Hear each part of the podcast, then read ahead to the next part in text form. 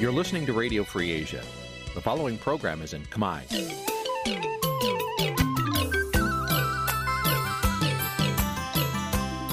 Nǐ chi càm bi tiệp xáy vệt chiu a zì sê ray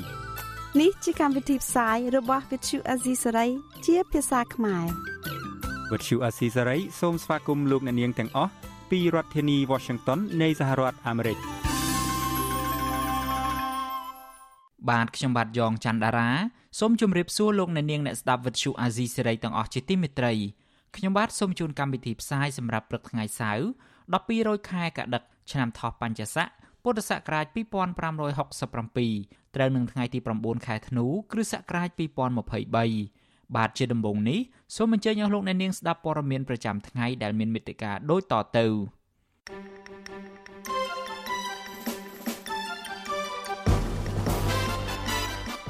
កញ្ញាសេងធីរីធ្វើកោតកម្មអត់អាហារ10ថ្ងៃនៅក្នុងពន្ធនាគារមុនពេលស្លាវធរជំនុំជម្រះក្តី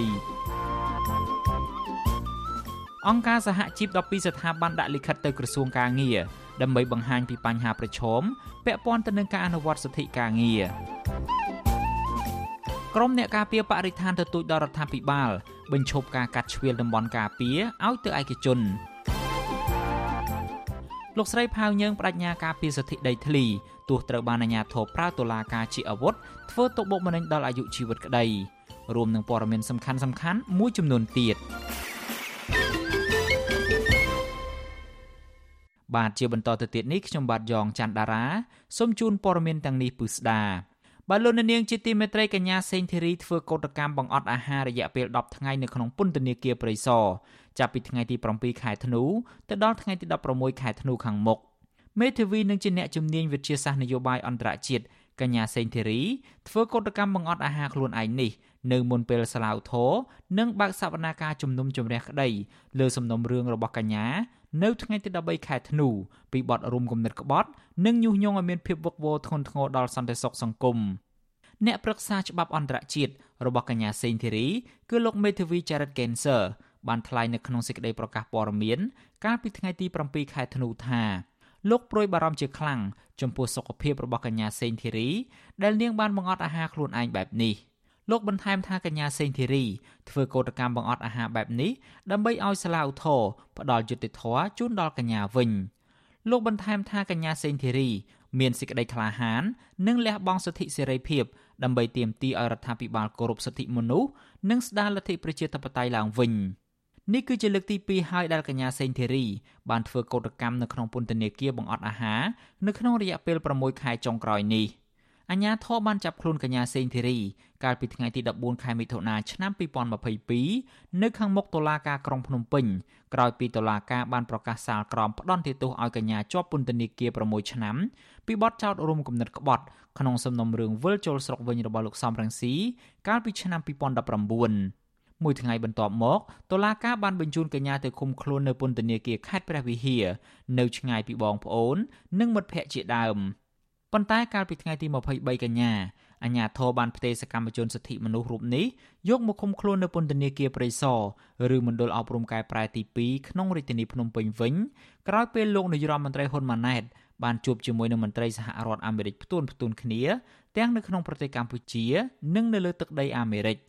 អង្គការសិទ្ធិមនុស្សជាតិនិងអន្តរជាតិបានចាត់ទុកការចាប់ខ្លួនកញ្ញាសេងធីរីនេះថាជារឿងនយោបាយនិងអំពាវនាវឲ្យដោះលែងកញ្ញាវិញជាបន្ទាន់និងដោយឥតលក្ខខណ្ឌ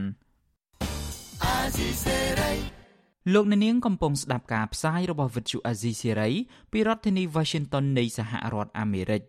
ស្ត្រីមេម៉ាយផាវយើងជួបការលំបាកកាន់តែខ្លាំងនៅក្នុងឆ្នាំ2023នេះ គឺលោកស្រីត្រូវអាជ្ញាធរចាប់ដាក់ពន្ធនាគារជាមួយនឹងកូនតូចអាយុ1ខួបទាំងដែលលោកស្រីមិនទាន់សះស្បើយពីជំងឺក្រោយការវះកាត់រួមទាំងជំងឺប្រចាំកាយជាច្រើនមុខទៀតផងបើទោះបីជាលោកស្រីមិនបានប្រព្រឹត្តកំហុសដោយការចោទប្រកាន់ក៏ដោយករណីនេះគឺជាឧទាហរណ៍មួយទៀតដែលអាជ្ញាធរនិងតុលាការ យកទូនីតិធ្វើជាអាវុធធ្វើទារុណកម្មផ្លូវកាយនិងផ្លូវចិត្តដើម្បីតែរារាំងស្ត្រីរងគ្រោះពីការរំលោភយកដីធ្លីពីអ្នកមានលុយមានអំណាចឲ្យឈប់តវ៉ាការពារដីធ្លីរបស់ខ្លួនទោះជាយ៉ាងនេះក្តីលោកស្រីផាវយើងនឹងមិនបោះបង់ចោលការតវ៉ាដោយសង្ឃឹមថានឹងមានដំណោះស្រាយដីធ្លីបើទោះបីជាត្រូវតស៊ូដល់ជីវិតចុងក្រោយក៏ដោយពីព្រោះលោកស្រីជឿជាក់ថាដីគឺជាជីវិតគ្មានដីគឺស្មើនឹងលោកស្រីគ្មានជីវិតរួចទៅហើយ បាទលោកនៅនាងនឹងបានស្ដាប់សេចក្តីរាយការណ៍នេះពឺស្ដានៅក្នុងកម្មវិធីផ្សាយរបស់យើង នៅពេលបន្តិចទៀតនេះ។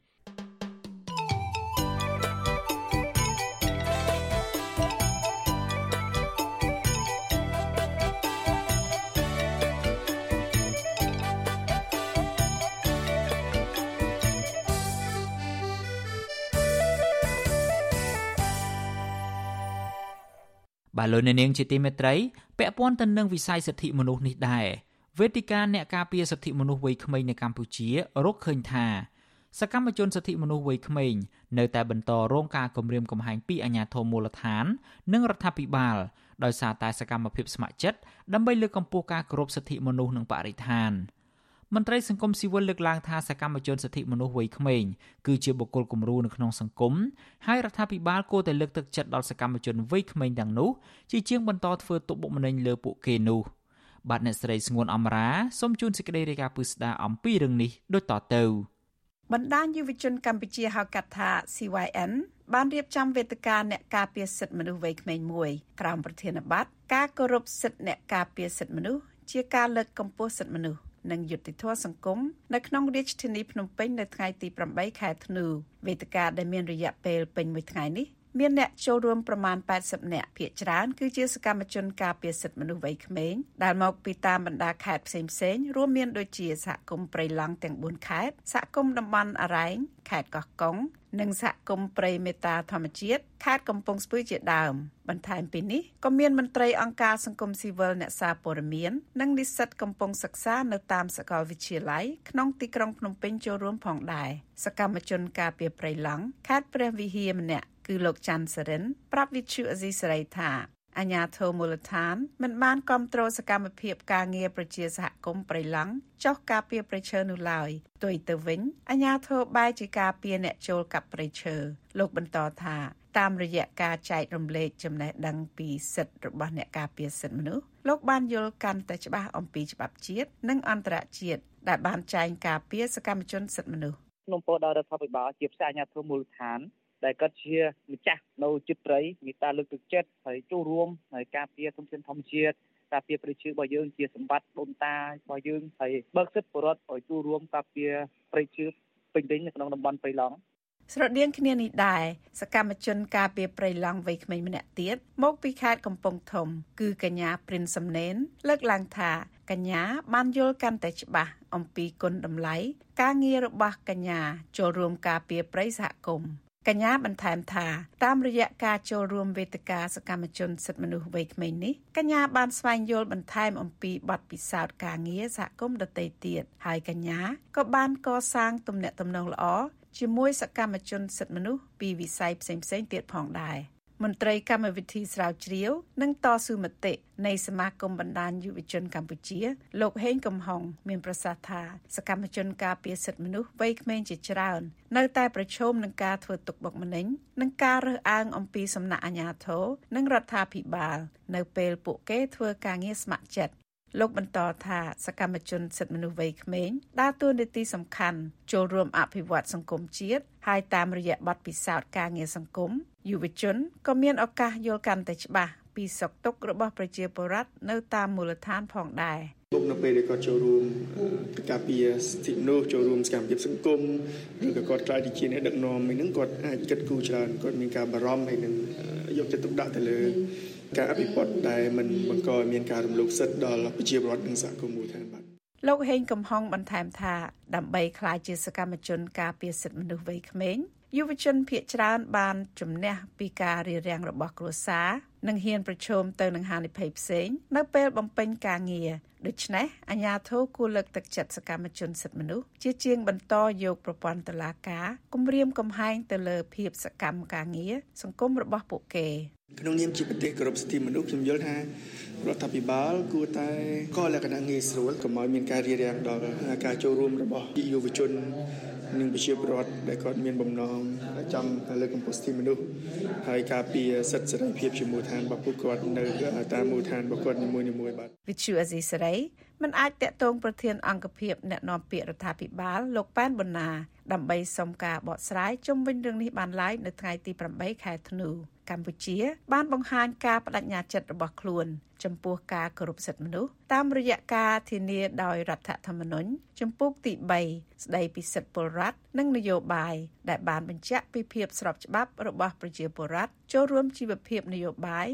សេដ្ឋកិច្ចសង្គមនិងវប្បធម៌ដោយគ្មានការរំខាន និងត្រូវទទួលបានការគ្រប់គ្រងពីរដ្ឋ ថ្មីបើមានការធានាដោយច្បាប់កម្ពុជារបស់ជាតិនិងគោលការណ៍សិទ្ធិមនុស្សអន្តរជាតិប៉ុន្តែកម្ពុជាក្រោមការដឹកនាំរបស់គណៈបកប្រជាជនកម្ពុជាគេសង្កេតឃើញថាបញ្ហារំលោភសិទ្ធិមនុស្សនៅតែមានស្ថានភាពធ្ងន់ធ្ងរពីមួយឆ្នាំទៅមួយឆ្នាំ។ បើទោះបីជាសកម្មជនសិទ្ធិមនុស្សវ័យក្មេងធ្វើការសង្គមដោយមិនមានពាក់ព័ន្ធជាមួយគណៈបកនយោបាយណាមួយក្តីតែកន្លងមកអាជ្ញាធរមូលដ្ឋាន និងរដ្ឋាភិបាល មិនព្រមសហការជាមួយសកម្មជនសិទ្ធិមនុស្សនោះឡើយផ្ទុយទៅវិញរដ្ឋាភិបាលបែរជាលៀបពណ៌សកម្មជនសិទ្ធិមនុស្សទាំងនោះថាជាក្រុមអ្នកនយោបាយប្រឆាំងនឹងរដ្ឋាភិបាលទៅវិញ។ ជាក់ស្ដែងសកម្មជនចលនាមេដាធម្មជាតិ6នាក់នៅតែរងបាត់ចោតរួមគំនិតក្បត់និងប្រមាថព្រះមហាក្សត្រគណៈសហគមន៍អន្តរជាតិតែងតែផ្ដល់តម្លៃនិងលើកទឹកចិត្តតាមរយៈការផ្ដល់ពានរង្វាន់ទៅដល់ពួកគេ ជុំវិញរឿងនេះអ្នកនាំពាក្យសមាគមការពារសិទ្ធិមនុស្សអាត6លោកសង្សានករណាដែលធ្វើជាវាគ្មិនក្នុងវេទិកាសកម្មជនការពារសិទ្ធិមនុស្សវ័យក្មេងផងនោះលើកឡើងថាការងាររបស់សកម្មជនសិទ្ធិមនុស្សវ័យក្មេងមិនត្រឹមតែផ្ដល់ប័ណ្ណពិសោធន៍ការងារនិងគុណតម្លៃរបស់សកម្មជនផ្ទាល់ខ្លួនតែប៉ុណ្ណោះទេ តែក៏ចូលរួមចំណែកលើកកម្ពស់យុត្តិធម៌សង្គមទៀតផង លោកបន្ថែមថារដ្ឋាភិបាល គួរលើកទឹកចិត្តសកម្មជនការពារសិទ្ធិមនុស្សជាបុគ្គលគំរូនិងពិចារណាចំពោះការលើកឡើង ពីក្តីកង្វល់របស់សកម្មជនសិទ្ធិមនុស្សជាជាងបន្តប្រើប្រាស់ប្រព័ន្ធតុលាការរដ្ឋបិទសេរីភាពការងាររបស់ពួកគាត់ឆន្ទៈនៃយុវជនមួយចំនួនដែលចូលរួមក្នុងពេលនេះជាសកម្មជនការពារសិទ្ធិមនុស្សនេះយើងគឺសូមមានការកោតសរសើរមែនទែនក្នុងគណៈដែលភាគច្រើននៃយុវជនដែលទៅរកប្រយោជន៍នឹងច្រើនជាងណា ហើយទោះបីបញ្ហាប្រឈមយ៉ាងណាលំបាកយ៉ាងណាគាត់នៅតែជំនះក្នុងការចូលរួមដើម្បីការពារនៅផលប្រយោជន៍ការពារនៅសិទ្ធិសេរីភាពការពារសិទ្ធិរបស់មនុស្សហ្នឹងគឺនៅតែមានការចូលរួមទោះបីមានចំនួនមិនច្រើនក៏ដោយក្រៅពីទទួលយកធាតចូលអំពីក្តីកង្វល់និងតម្រូវការរបស់សកម្មជនសិទ្ធិមនុស្សវ័យក្មេងដែលមកពីវិស័យបរិស្ថានធនធានធម្មជាតិសិទ្ធិការងារ សិទ្ធិជនជាតិដើមភាគតិចហើយនោះមន្ត្រីគម្រោងបណ្ដាញយុវជនកម្ពុជាកញ្ញាអេងស្រីពៅប្រាប់វិទ្យុអេស៊ីសេរីថាវេទិកាអ្នកការពារសិទ្ធិមនុស្សវ័យក្មេងក៏នឹងចេញសេចក្តីថ្លែងការណ៍ជាសាធារណៈក្នុងពេលឆាប់ៗនេះផងដែរ មន្ត្រីអង្គការសង្គមស៊ីវិលលើកឡើងថារដ្ឋាភិបាលគួរចាត់ទុកសកម្មជនសិទ្ធិមនុស្សគឺជាដៃគូអភិវឌ្ឍជាជាងបន្តលៀបពណ៌ទៅលើសកម្មជនការងារសង្គមដែលសុកចិត្តលះបង់កម្លាំងកាយកម្លាំងចិត្តគិតគូរអំពីប្រយោជន៍រួមច្រើនជាងប្រយោជន៍ផ្ទាល់ខ្លួននាងខ្ញុំស្ងួនអមរា Pitchu Azizi Saray ពីរដ្ឋធានី Washington បាទលោកនាងជាទីមេត្រីពាក់ព័ន្ធទៅនឹងរឿងសិទ្ធិការងារឯនេះវិញមន្ត្រីអង្គការនិងសហជីពប្រមាណ50នាក់ មកពីស្ថាប័នចំនួន12បានដាក់លិខិតទៅក្រសួងការងារដើម្បីស្នើសុំជួបរដ្ឋមន្ត្រីក្រសួងការងារលោកហេងសួរឲ្យពិនិត្យឡើងវិញចំណុចមួយចំនួនដែលរដ្ឋបិទទៅដល់សេរីភាពសហជីពការរំលោភសិទ្ធិការងារនិងការគំរាមកំហែងលើឋានៈដឹកនាំសហជីពជាដើមមន្ត្រីសិទ្ធិមនុស្សយល់ថារដ្ឋាភិបាលគួរតែពិចារណាទៅលើសំណើរបស់ក្រមសហជីពទាំងនេះពីព្រោះការអនុវត្តសិទ្ធិសហជីពនៅក្នុងកន្លែងការងារមិនមែនជារឿងខុសច្បាប់នោះទេ បាទលោកលេងម៉ាលីរាយការណ៍ព័ត៌មាននេះតំណាងអង្គការសមាគមនិងសហជីពដែលធ្វើការលើសិទ្ធិការងារនិងសិទ្ធិមនុស្សប្រមាណ50នាក់នៅព្រឹកថ្ងៃទី8ខែធ្នូបានដាក់លិខិតបង្ហាញពីទុកកង្វល់របស់ខ្លួនជុំវិញបញ្ហាប្រឈមមួយចំនួនដែលកំពុងកើតមានក្នុងវិស័យការងារដើម្បីឲ្យក្រសួងការងារនិងក្រសួងពាក់ព័ន្ធដោះស្រាយបញ្ហានេះជូនកម្មករ ប្រធានសហព័ន្ធសហជីពកម្មករនយោជិតវិស័យទេសចរកម្ពុជាលោកទូចកុសលប្រាប់ពទ្យុអស៊ីសេរីនៅថ្ងៃទី8ធ្នូថាអង្គការសហជីពបានដាក់សំណើស្នើសុំជួបរដ្ឋមន្ត្រីក្រសួងកាងារដើម្បីពិភាក្សាលើសំណើ5ចំណុចដែលជាក្តីព្រួយបារម្ភរបស់មន្ត្រីសហជីពលោកបន្តថាតំណាងក្រសួងកាងារបានចេញមកទទួលលិខិតរបស់ក្រុមអង្គការសហជីពរួចហើយ កន្លងមកមានសហព័ន្ធសហជីពខ្លះបានយកឯកសារមកចុះបញ្ជីការនៅនាយកដ្ឋានវិវាទហើយឯកសារនោះបានរុញទៅរុញមកមានរយៈពេលរហូតដល់5 6ខែហើយសហព័ន្ធសហជីពខ្លះមានរយៈពេលដល់1ឆ្នាំជាងតម្រាំតែចេញបញ្ជីការឬអាណត្តិទូស្គាល់សម្រាប់ពួកគាត់បញ្ហាដោយសារនៅពេលដែលឯកសារចុះបញ្ជីការរុញទៅរុញមកកែច្រើនដងយូរទៅតម្រាំមកចេញបញ្ជីការគឺថ្នាក់នាំសហជីពត្រូវបានកំពុងប្រជុំបាត់អានេះជាបញ្ហាដែលយើងឃើញកន្លងមកណា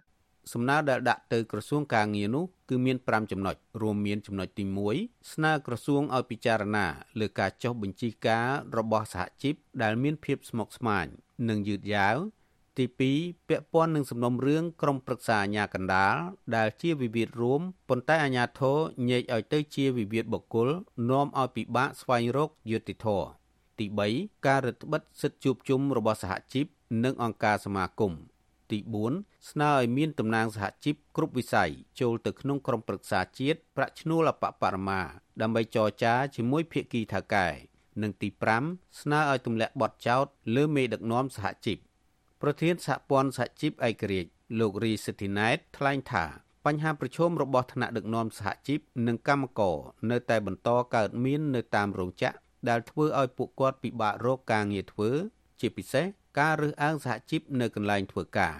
លោកបន្តថារដ្ឋាភិបាលគួរតែពន្លឿននីតិវិធីចុះបញ្ជីការឲ្យសហជីពដើម្បីកុំឲ្យថៅកែក្រុមហ៊ុនបណ្ដេញមេដឹកនាំសហជីពនិងសមាជិកសហជីពដោយសេរី។ បញ្ហាប្រឈមរបស់កម្មករនិយោជិតគឺទី1គឺកម្មករអត់មានការងារធ្វើទី2រោងចក្របន្តការមិនគោរពសិទ្ធិរបស់កម្មករទី3ក្រសួងការងារគួរតែងាកមកជំរុញឲ្យមានការគោរពច្បាប់ជាពិសេសករណីការរើសអើងសហជីពកន្លងមកក្រសួងការងារមិនដែលបានអើពើទេគាត់តែងតែយកលេសតាមការបង្ក្រប់របស់នយោជកគឺការបញ្ចប់កិច្ចសន្យាដោយហេតុផលដល់កិច្ចសន្យាការងារគាត់មិនបានមើលជ្រុងគ្រប់ជ្រុងជ្រោយនៃហេតុផលនៃការបញ្ចប់កិច្ចសន្យាការងារទេ វិទ្យុអស៊ីសេរីមិនទាន់អាចតាក់ទងแนะនាំពាក្យក្រសួងកាងារលោកកតាអូនដើម្បីសុំការបកស្រាយបន្ថែមជុំវិញសំណើរបស់ក្រុមអង្គការសហជីពនេះបានទេ នៅថ្ងៃទី8ធ្នូជុំវិញបញ្ហានេះប្រធានសមាគមការពារសិទ្ធិមនុស្សអាតហុកលោកនីសុខាមានប្រសាសន៍ថារដ្ឋាភិបាលមានទួនាទីទទួលយកគ្រប់សំណើរបស់ប្រជាពលរដ្ឋដើម្បីដោះស្រាយដូច្នេះរដ្ឋាភិបាលគួរតែពិចារណាចំពោះសំណើទាំងនេះលោកបន្តថា ការបណ្តែតបណ្តោយឲ្យថៅកែរំលោភសិទ្ធិកម្មករនិងមានការរើសអើងសហជីពនៅកន្លែងធ្វើការគឺជាការបំពានច្បាប់ជាតិនិងអន្តរជាតិ ក៏ដូចជារឿងថ្មីថ្មីដែលរឿងកញ្ញាឈឹមស៊ីធរឿងសហជីព Nagawal អីជាដើមអញ្ចឹងគឺថាអាញាធរគួរតែឈរនៅកណ្ដាលនៃបញ្ហាទាំងអស់ហ្នឹងហើយខិតខំធ្វើយ៉ាងណាដោះស្រាយបញ្ហាហ្នឹងជៀសវាងកុំឲ្យមានការទៅចាប់ខ្លួនយកប្រើប្រាស់ប្រព័ន្ធតុលាការក្នុងការចាប់ខ្លួនក្នុងការឃុំខ្លួនទៅលើតំណាងសហជីពអីអាហ្នឹងវាជារឿងមួយដែលមិនសមស្របទេហើយមិនមែនជាដំណោះស្រាយដែលល្អទេ កាលពីពេលកន្លងទៅ មន្ត្រីអង្គការសង្គមស៊ីវិលនិងកម្មករតែងបង្ហាញពីទុកកង្វល់របស់ខ្លួនជុំវិញការរំលោភសិទ្ធិកម្មករនិងការចាប់ខ្លួនមេដឹកនាំសហជីពដាក់ពន្ធនាគារទាំងអយុធធរដោយសារតែពួកគាត់ទាមទារឲ្យមានដំណោះស្រាយការងារ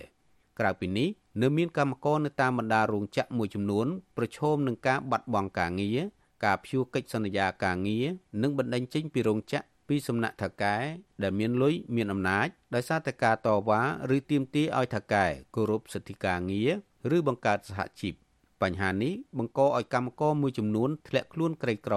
និងជំពាក់បំណុលធនាគារវ៉ាន់កដោយសារតែការរើសអើងសហជីពនៅកន្លែងធ្វើការខ្ញុំបាទលេងម៉ាលីវិទ្យុអេស៊ីសេរីវ៉ាស៊ីនតោន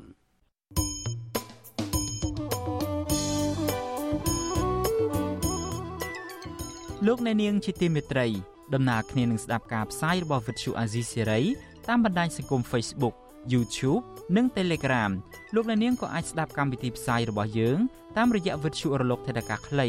ឬក៏ Shortwave បានដែរគឺតាមកម្រិតនិងកម្ពស់ដូចតទៅនេះពេលព្រឹកចាប់ពីម៉ោង5កន្លះដល់ម៉ោង6កន្លះតាមរយៈប៉ុស SW 93.90 MHz ស្មើនឹងកម្ពស់ 32m និងប៉ុស SW 11.85 MHz ស្មើនឹងកម្ពស់ 25m ពេលយប់ចាប់ពីម៉ោង7កន្លះដល់ម៉ោង8កន្លះតាមរយៈប៉ុស SW 93.90 MHz ស្មើនឹងកម្ពស់ 32m ប៉ុស SW 11.88 MHz ស្មើនឹងកម្ពស់ 25m និងប៉ុស SW 15.15 MHz ស្មើនឹងកម្ពស់ 20m បាទសូមអរគុណ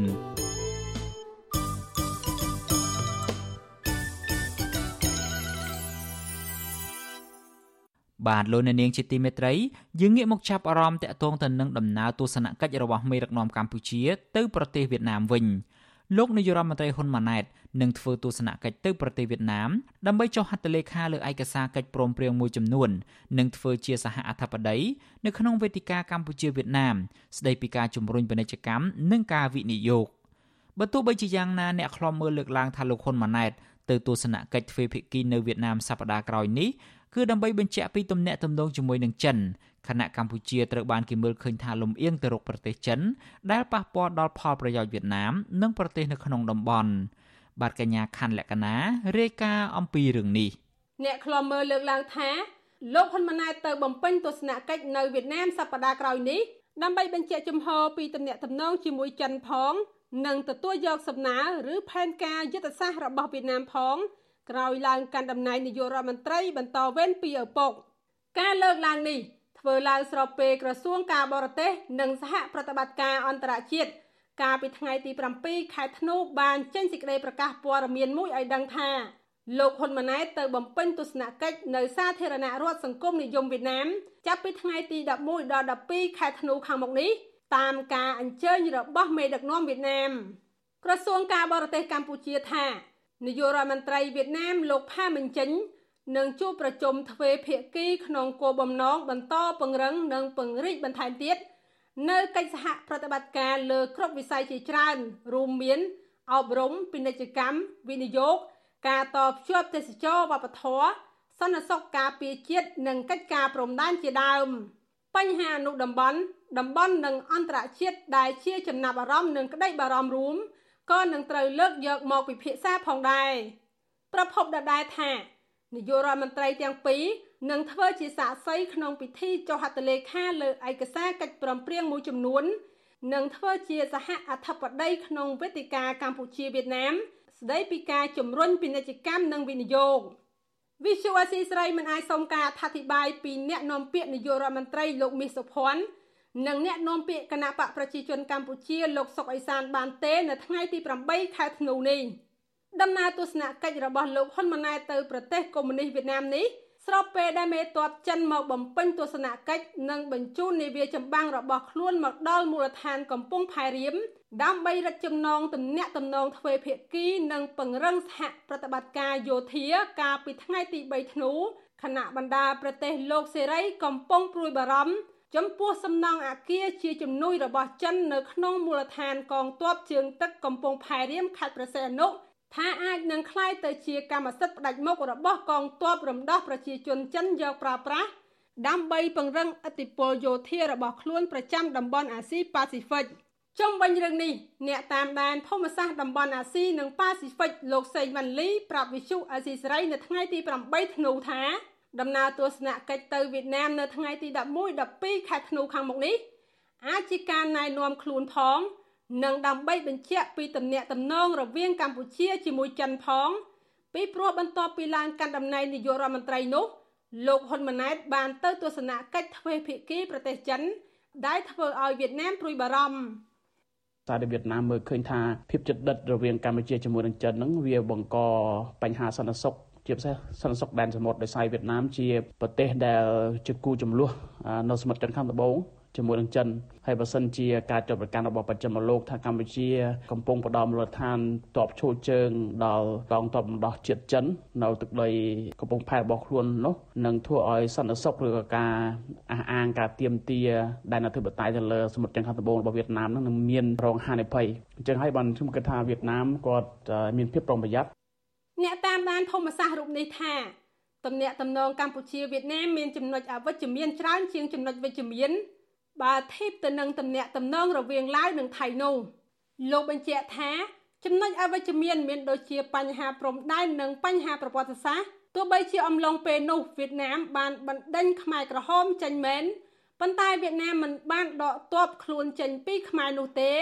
ដែលអន្តរជាតិចាត់ទុកថាជាការរំលោភបំពានអធិបតេយ្យកម្ពុជាជាដើម លោកសេងវ៉ាន់លីថា បញ្ហាទាំងនេះដែលធ្វើឲ្យប្រជាជនខ្មែរយល់ថាកម្ពុជាចាញ់ប្រៀបវៀតណាម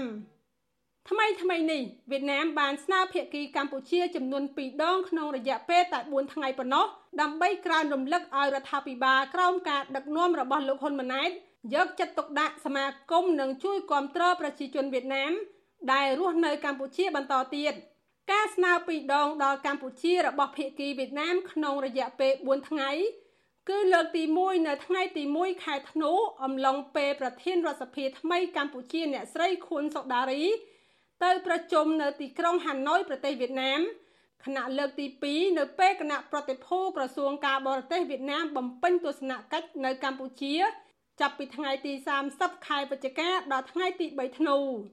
ការស្នើម្ដងហើយម្ដងទៀតនេះស្របពេលជនជាតិវៀតណាមជាង100000នាក់បានទទួលបានស្នាក់នៅស្របច្បាប់ក្នុងប្រទេសកម្ពុជា ហើយបច្ចុប្បន្នពួកគេកំពុងបំពេញលក្ខខណ្ឌរបស់ក្រសួងមហាផ្ទៃដើម្បីទទួលបានសញ្ជាតិខ្មែរខណៈជនជាតិវៀតណាមជិត100នាក់បានទទួលសញ្ជាតិខ្មែរពេញលេញខ្ញុំខណ្ឌលក្ខណាវិសុអាស៊ីសេរី បាទលោកនាងជាទីមេត្រីក្រៅពីមានដំណើរទស្សនកិច្ចទៅកាន់ប្រទេសវៀតណាមនៅសប្តាហ៍ក្រោយនេះហើយ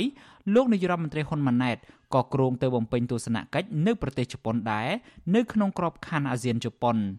ក៏ប៉ុន្តែមេដឹកនាំបាតកម្មខ្មែរនៅប្រទេសជប៉ុនប្រកាសធ្វើបាតកម្មប្រឆាំងវត្តមានរូបលោកក៏ប៉ុន្តែមេដឹកនាំបាតុកម្មខ្មែរនៅប្រទេសជប៉ុនប្រកាសធ្វើបាតុកម្មប្រឆាំងវត្តមានរបស់លោកនៅប្រទេសជប៉ុននៅសប្តាហ៍ក្រោយនេះ មន្ត្រីគណៈបកកណ្ដាលអំណាចលើកឡើងថាអ្នកដែលប្រកាសមិនស្វាគមន៍លោកហ៊ុនម៉ាណែតគឺជាសិទ្ធិរបស់ពួកគេពលរដ្ឋខ្មែរមួយចំនួនដែលកំពុងរស់នៅប្រទេសជប៉ុននៅតែចាត់ទុកថាលោកហ៊ុនម៉ាណែតមិនមែនជានាយករដ្ឋមន្ត្រីរបស់ពួកគាត់នោះទេពីព្រោះមេដឹកនាំរូបនេះឡើងកាន់អំណាចតាមរយៈការបោះឆ្នោតដែលគ្មានគណៈបកប្រឆាំងចូលរួម។ពួកគាត់ស្នើទៅប្រដ្ឋខ្មែរដែលរស់នៅប្រទេសជប៉ុនចូលរួមប្រឆាំងវត្តមានរបស់លោកហ៊ុនម៉ាណែតនៅថ្ងៃទី17ខែធ្នូឲ្យបានច្រើនកកក ប្រធានចលនាសង្គ្រោះជាតិប្រចាំប្រទេសជប៉ុននិងជាអ្នកដឹកនាំបាតុកម្មនេះគឺលោកហៃវ៉ាណាឲ្យវិទ្យុអាស៊ីសេរីដឹងនៅថ្ងៃទី8ខែធ្នូថាក្រុមរបស់លោកហ៊ុនម៉ាណែតកំពុងគៀកោប្រជាពលរដ្ឋខ្មែររស់នៅប្រទេសជប៉ុនឲ្យមកទទួលស្វាគមន៍លោកហ៊ុនម៉ាណែតលោកឲ្យដឹងទៀតថាអ្នកដែលទៅទទួលស្វាគមន៍លោកហ៊ុនម៉ាណែតនឹងទទួលបានការឧបត្ថម្ភសម្រាប់ថ្លៃស្នាក់នៅថ្លៃអាហារនិងទទួលបានស្រោមសម្បត្តិ100ដុល្លារក្នុងម្នាក់ម្នាក់ ខ្មែរយើងដែលគាត់ចិត្តសឿងខ្លាំងគាត់មិនទទួលស្គាល់លោកហ៊ុនម៉ាណែតនឹងទូក្នុងកលៈលសៈណាក៏ដោយពួកគាត់នៅតែគ្រប់គ្រងចរន្តនៃការចង់ឲ្យមានការផ្លាស់ប្ដូរដែលពួកយើងគ្រោងនឹងធ្វើបាតកម្មដើម្បីប្រាប់ទៅប្រទេសអាស៊ានផ្សេងទៀតក៏ដូចជាប្រទេសជប៉ុននឹងឲ្យដឹងថាពួកយើងក្នុងនាមជាប្រជាពលរដ្ឋខ្មែរដែលមិនរងសម្ពាធនៃការប្រើប្រាស់អធិបុលអំណាចផ្ដាច់ការរបស់របបហ៊ុនសែនហ្នឹងគឺយើងនៅតែបន្តប្រាប់ពួកគាត់ថាយើងមិនទទួលស្គាល់អំណាចជានាយករដ្ឋមន្ត្រីខ្មែរទេ លោកហៃវ៉ាណាស្នើទៅប្រជាពលរដ្ឋខ្មែររស់នៅប្រទេសជប៉ុនកុំទៅទទួលលោកហ៊ុនម៉ាណែតតាមការអូសទាញក៏ប៉ុន្តែពួកគាត់គួរតែនាំគ្នាចូលរួមធ្វើបាតុកម្មប្រឆាំងវត្តមានរបស់លោកហ៊ុនម៉ាណែតវិញមេដឹកនាំបាតុកម្មរូបនេះអះអាងថាការធ្វើបាតុកម្មលើកនេះគឺអ្នកចូលរួមក្រៅពីអាចប្រើប្រាស់សិទ្ធិសេរីភាពបញ្ចេញមតិហើយនោះពួកគាត់ក៏មានឱកាសចាប់ឆ្នោតយករង្វាន់លើកទឹកចិត្តផងដែរ។ យើងចង់លើកទឹកចិត្តពួកគាត់ប៉ុន្តែយើងអត់សូវមានឱកាសដើម្បីលើកទឹកចិត្តពួកគាត់ជាចង្កោមទេបើមិនយើងធ្វើកម្មវិធីតូចតូចយើងធ្វើការចាប់ឆ្នោតអ្នកមកចូលរួមមានតិចអញ្ចឹងយើងចង់ឲ្យវាចូលរួមឲ្យបានទូលំទូលាយដើម្បីយើងចង់នឹងថាតើក្រុមការងារយុវជនយើងដែលអ្នកស្នេហាប្រជាធិបតេយ្យនឹងអ្នកណាដែលមានសំណាងជាងគេឲ្យគាត់ចូលរួមចាប់ ឆ្នោតផ្សងសំណាងនឹងបាទរង្វាន់3ធំធំ គឺទី1 iPhone 15 Pro ហើយនឹងរង្វាន់ទី2និងទី3ហ្នឹងគឺ AirPods Pro បាទលោកហ៊ុនម៉ាណែតនឹងធ្វើដំណើរទៅប្រទេសជប៉ុនដើម្បីចូលរួមកិច្ចប្រជុំកំពូលរំលឹកខួបអនុស្សាវរីយ៍អាស៊ានជប៉ុន លើកទី50ចាប់ពីថ្ងៃទី16ដល់ថ្ងៃទី17ខែធ្នូទន្ទឹមគ្នានេះ ក្រុមអ្នកគ្រប់គ្រងគណៈបកកណ្ដាលអំណាចនៅប្រទេសជប៉ុនបានរៀបចំឲ្យប្រជាពលរដ្ឋខ្មែររស់នៅប្រទេសនេះធ្វើវីដេអូផ្សព្វផ្សាយតាមបណ្ដាញសង្គម Facebook និង Telegram ស្វាគមន៍វត្តមានរបស់លោកហ៊ុនម៉ាណែតនៅប្រទេសជប៉ុន នៅពេលខាងមុខនេះផងដែរតកតងទៅនឹងរឿងនេះអ្នកនាំពាក្យគណៈបកប្រជាជនកម្ពុជា លោកឈឹមផលវរុនឆ្លើយតបថា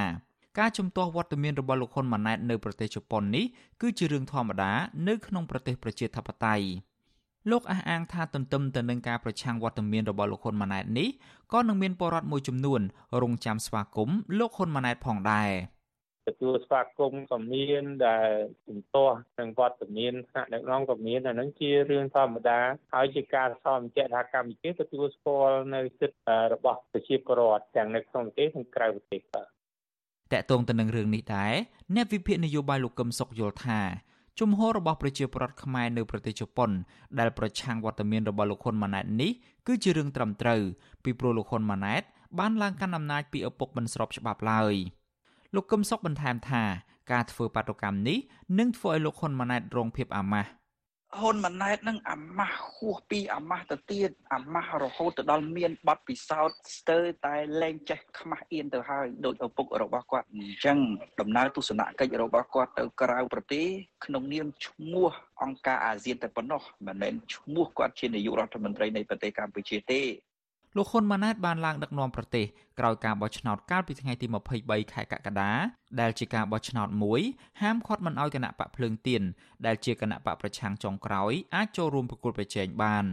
ក្រមប្រទេសលោកសេរីបានរិះគន់ការបោះឆ្នោតនេះជាបន្តបន្ទាប់ហើយមកដល់ពេលនេះលោកហ៊ុនម៉ាណែតមិនទាន់បានទៅបំពេញទស្សនកិច្ចនៅប្រទេសលោកខាងលិចក្នុងនាមជាទ្វេភាគីនៅឡើយទេលោកអ្នកនាងជាទីមេត្រី វិទ្យុអាស៊ីសេរីនឹងចេញផ្សាយ podcast កម្ពុជាសប្តាហ៍នេះនៅរៀងរាល់ព្រឹកថ្ងៃសៅរ៍ម៉ោងនៅកម្ពុជានៃសប្តាហ៍នីមួយៗបាទកម្មវិធី podcast នេះរៀបចំដោយនាយកនិងនាយករងនៃកម្មវិធីផ្សាយ Vithu Azizi Serai ជាភាសាខ្មែរគឺលោកសំពូលីនិងលោកជុនច័ន្ទបុតសូមប្រិយមិត្តស្វែងរក និងស្ដាប់ podcast របស់យើង នៅលើកម្មវិធី podcast របស់ Apple, Google និង Spotify ដោយគ្រាន់តែសរសេរពាក្យថា កម្ពុជាសប្តាហ៍នេះឬ Cambodia This Week នៅក្នុងប្រអប់ស្វែងរកយើងក៏នឹងចាក់ផ្សាយកម្មវិធី podcast នេះឡើងវិញ នៅក្នុងកម្មវិធីផ្សាយផ្ទាល់របស់យើង តាមបណ្ដាញសង្គម Facebook YouTube និង Telegram នៅរៀងរាល់យប់ថ្ងៃច័ន្ទម៉ោងនៅកម្ពុជា បាទសូមអរគុណ thank you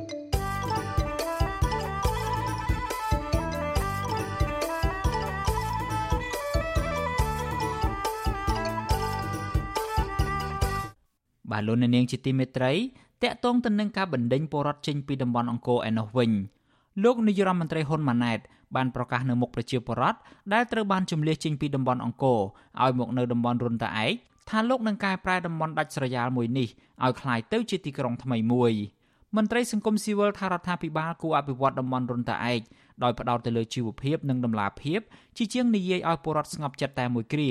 និងបញ្ឈប់ការជំលះពលរដ្ឋដោយបង្ខំបន្តទៀត។ បាទលោកទីនសាការីយ៉ារាយការណ៍ព័ត៌មាននេះជូនលោកអ្នកនាងលោកនាយករដ្ឋមន្ត្រីហ៊ុនម៉ាណែតបានធ្វើដំណើរទស្សនកិច្ចនឹងជួបបរដ្ឋនៅតំបន់រុនតាឯកជាលើកដំបូងដោយបដិញ្ញាថានឹងបន្តមហិច្ឆតាឪពុករបស់លោកកលហ៊ុនសែនក្នុងការអភិវឌ្ឍតំបន់រុនតាឯកឲ្យក្លាយជាទីក្រុងមួយទៀតនៅខេត្តសៀមរាបលោកហ៊ុនម៉ាណែតថ្លែងពីតំបន់រុនតាឯកនៅខេត្តសៀមរាបនៅថ្ងៃទី8ធ្នូអះអាងថាដោយផ្អែកទៅលើស្ថានភាពភូមិសាស្ត្រនិងហេដ្ឋារចនាសម្ព័ន្ធដែលមានស្រាប់ លោកប្រកាសដាក់ចេញទិសដៅអភិវឌ្ឍតំបន់នេះឲ្យคล้ายទៅជាទីក្រុងថ្មីដើម្បីតបស្នងនឹងការជឿទុកចិត្តរបស់ប្រជាពលរដ្ឋដែលព្រមចាកចេញពីតំបន់អង្គរមករស់នៅទីនេះលោកលើកឡើងថាកំណត់ប្រួយផ្ដាមនេះគឺជាសមិទ្ធផលរបស់ឪពុករបស់លោកគឺអតីតនាយករដ្ឋមន្ត្រីលោកហ៊ុនសែនដែលរៀបចំប្លង់តំបន់រុនតាឯកដែលលោកអះអាងថាប្រៀបបានទៅនឹងប្លង់រីសតលំដាប់កំពូលលើពិភពលោក មានផ្លូវខ្វាត់ខ្វែងមានប្រព័ន្ធលូប្រព័ន្ធភ្លើងនិងទឹកស្អាត លោកណែនាំឲ្យក្រសួងរៀបចំដែនដីនគររូបនីយកម្មនិងសំណង់ព្រមទាំងរដ្ឋបាលខេត្តបន្តអភិវឌ្ឍតំបន់នេះឲ្យបានឆាប់រហ័សដើម្បីទទួលយកប្រជាពលរដ្ឋ6000គ្រួសារបន្ថែមទៀតដែលអាជ្ញាធររបស់លោកនឹងក្រុងបណ្ដេញឲ្យមករស់នៅទីនេះហើយទៅជាតិខ្លាយទៅជាអ្នកក្រុងហើយអ្នកក្រុងរុនតឯងហើយខ្ញុំគិតតាមបាច់គិតថាគួរគិតថាជាស្រុកគឺជាក្រុងឯងសម្រាប់តាសម្ដេចតេជោលោកក៏ប្រកាសហើយរៀបចំជាក្រុងរុនតឯងតែម្ដងទៅ ពួកប្រជាពលរដ្ឋចូលរាប់ពាន់ឥឡូវតិចទៀតមក6000គ្រួសារហើយហេដ្ឋារចនាសម្ព័ន្ធសិតតែផ្លូវបេតុងផ្លូវកស៊ូសិតតែភ្លើងទឹកស្អាតទៅហើយសំតែជាក្រុងហើយក្រៅពីលោកហ៊ុនម៉ាណែតអះអាងថានឹងប្រែក្លាយតំបន់នេះឲ្យក្លាយជាទីក្រុងលោកហ៊ុនម៉ាណែតបានប្រកាសដល់រថយន្តក្រុង10គ្រឿងដើម្បីដឹកប្រជាពលរដ្ឋដែលធ្វើដំណើរពីទីរួមខេត្តសៀមរាបដោយឥតគិតថ្លៃនិងផ្លាស់ប្ដូរពីផ្លូវដីក្រហមឲ្យទៅជាផ្លូវបេតុងនិងកស៊ូទាំងអស់ ទោះជាយ៉ាងណាបរិបទមួយចំនួនហាក់នៅមិនទាន់មានទំនុកចិត្តទាំងស្រុងលើការសន្យារបស់លោកហ៊ុនម៉ាណែតនេះទេដែលបរដ្ឋមានមន្ទិលសង្ស័យថាគឺជាវិធីលួងលោមចិត្តពួកគាត់បន្ទាប់ពីអាជ្ញាធរបង្ខំឲ្យមករស់នៅក្នុងតំបន់ដាច់ស្រយាលមួយនេះបរដ្ឋនៅតំបន់រុនតាឯកសូមមិនបញ្ចេញឈ្មោះដោយបារម្ភពីបញ្ហាសវត្ថិភាពប្រាប់វិទ្យុអាស៊ីសេរីថាការដាក់ចេញគោលនយោបាយរបស់រដ្ឋាភិបាលក្នុងការអភិវឌ្ឍតំបន់រុនតាឯកឲ្យคล้ายជាទីក្រុងគឺជារឿងល្អ ប៉ុន្តែរដ្ឋាភិបាលគួរតែដោះស្រាយបញ្ហាជីវភាពរបស់ពលរដ្ឋដែលកំពុងតែជួបការលំបាកនិងជាប់បំណុលធនាគារជាមុនសិនលោកអះអាងថាទោះបីជារដ្ឋាភិបាលផ្ដល់ឡានក្រុងសម្រាប់ដិតបរិវត្តរុនតាឯកទៅកាន់ទីក្រុងសៀមរាបក្តីក៏មធ្យោបាយនេះមិនអាចជួយសម្រួលការលំបាករបស់ប្រជាពលរដ្ឋបាននោះទេពីព្រោះស្ថានភាពសេដ្ឋកិច្ចក្រុងសៀមរាបកំពុងធ្លាក់ចុះនិងមិនមានការងារធ្វើរបាយការណ៍របស់អង្គការលើកលែងទោសអន្តរជាតិ Amnesty International ចេញផ្សាយកាលពីថ្ងៃទី14វិច្ឆិកាបានរកឃើញថានៅក្នុងតំបន់ទីតាំងលំនៅថ្មីទាំងពីរទីតាំងគឺនៅពាកស្នែងស្រុកអង្គរធំ និងនៅរុនតាអាយស្រុកបន្ទាយស្រីពុំមានហេដ្ឋារចនាសម្ព័ន្ធគ្រប់គ្រាន់សម្រាប់ពលរដ្ឋរស់នៅបានសមរម្យនោះឡើយពួកគេត្រូវបង្ខំចិត្តចាកចេញទៅនៅទីតាំងថ្មីបើទោះបីជាត្រូវប្រឈមនឹងការគ្មានមុខរបរបាត់បង់ប្រាក់ចំណូលជីវភាពធ្លាប់មាននៅភូមិចាស់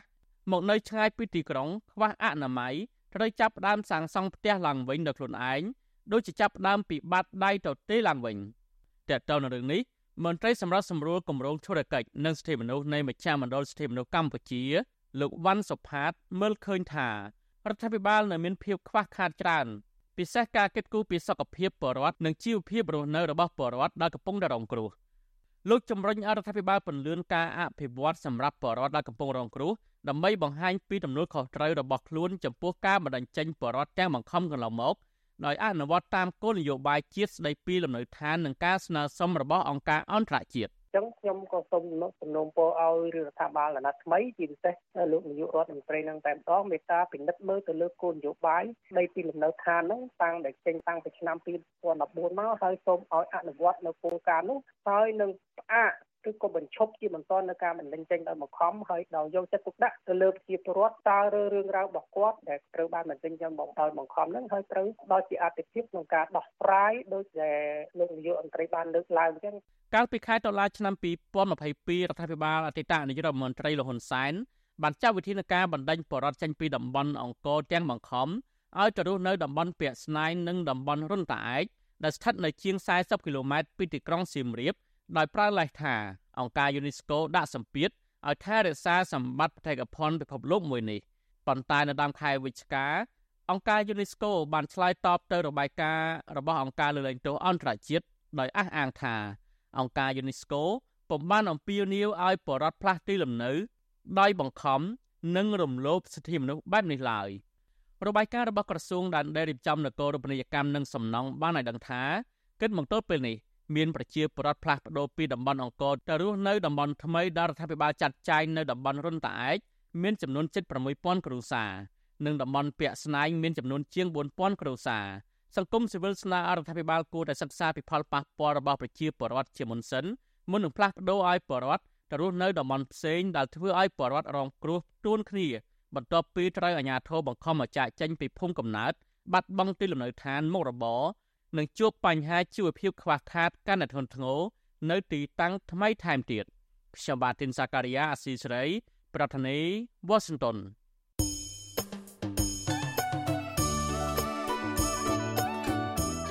លោកអ្នកនាងជាទីមេត្រីក្រៅពីការតាមដានកម្មវិធីផ្សាយរបស់ Vuthu Azizi Serai នៅតាមបណ្ដាញសង្គម Facebook YouTube និង Telegram លោកអ្នកនាងក៏អាចតាមដានកម្មវិធីផ្សាយរបស់យើង នៅតាមរយៈបណ្ដាញ Instagram បានដែរ តាមរយៈតំណ link ដែលមានអាសយដ្ឋាន www.instagram.com/rfa ខ្មែរអាស៊ីសេរីបន្តខិតខំផ្សព្វផ្សាយព័ត៌មានពិតទៅកាន់បងប្អូនតាមរយៈបណ្ដាញសង្គមផ្សេងផ្សេងនិងសម្បូរបែបដើម្បីឲ្យលោកអ្នកនាងងាយស្រួលតាមដានកម្មវិធីផ្សាយរបស់អាស៊ីសេរីគ្រប់ពេលវេលា និងគ្រប់ទីកន្លែងតាមរយៈទូរស័ព្ទរបស់លោកអ្នកនាង បាទសូមអរគុណ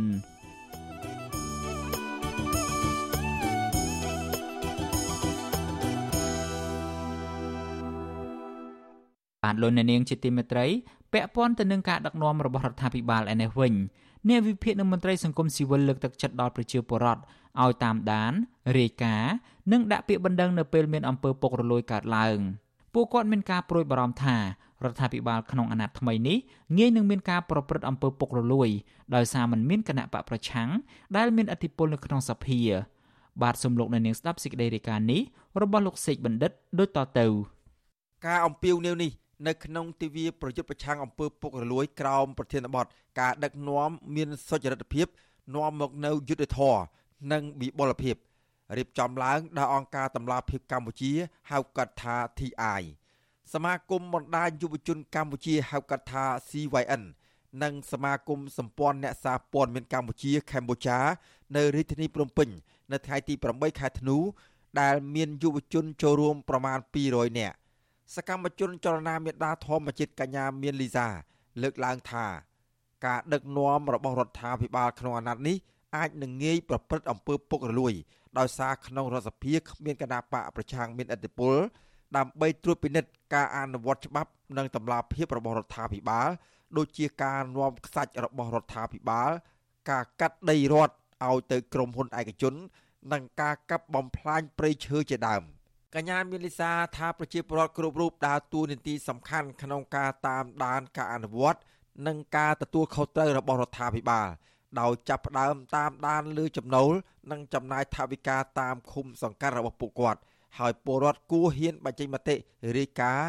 ឬដាក់ពាក្យបណ្ដឹង នៅពេលដែលមានអំពើពុករលួយកើតមានឡើង។ អញ្ចឹងសិទ្ធិនឹងករណីកិច្ចហ្នឹងវាចែងច្បាស់មែនតែននៅពេលដែលយើងដឹងច្បាស់ពីសិទ្ធិហើយនឹងដឹងច្បាស់ពីករណីកិច្ចខ្លួនឯងចំពោះសង្គមជាតិវាធ្វើឲ្យយើងមានមានអាភិបក្លាហានក្នុងការនិយាយចេញទៅ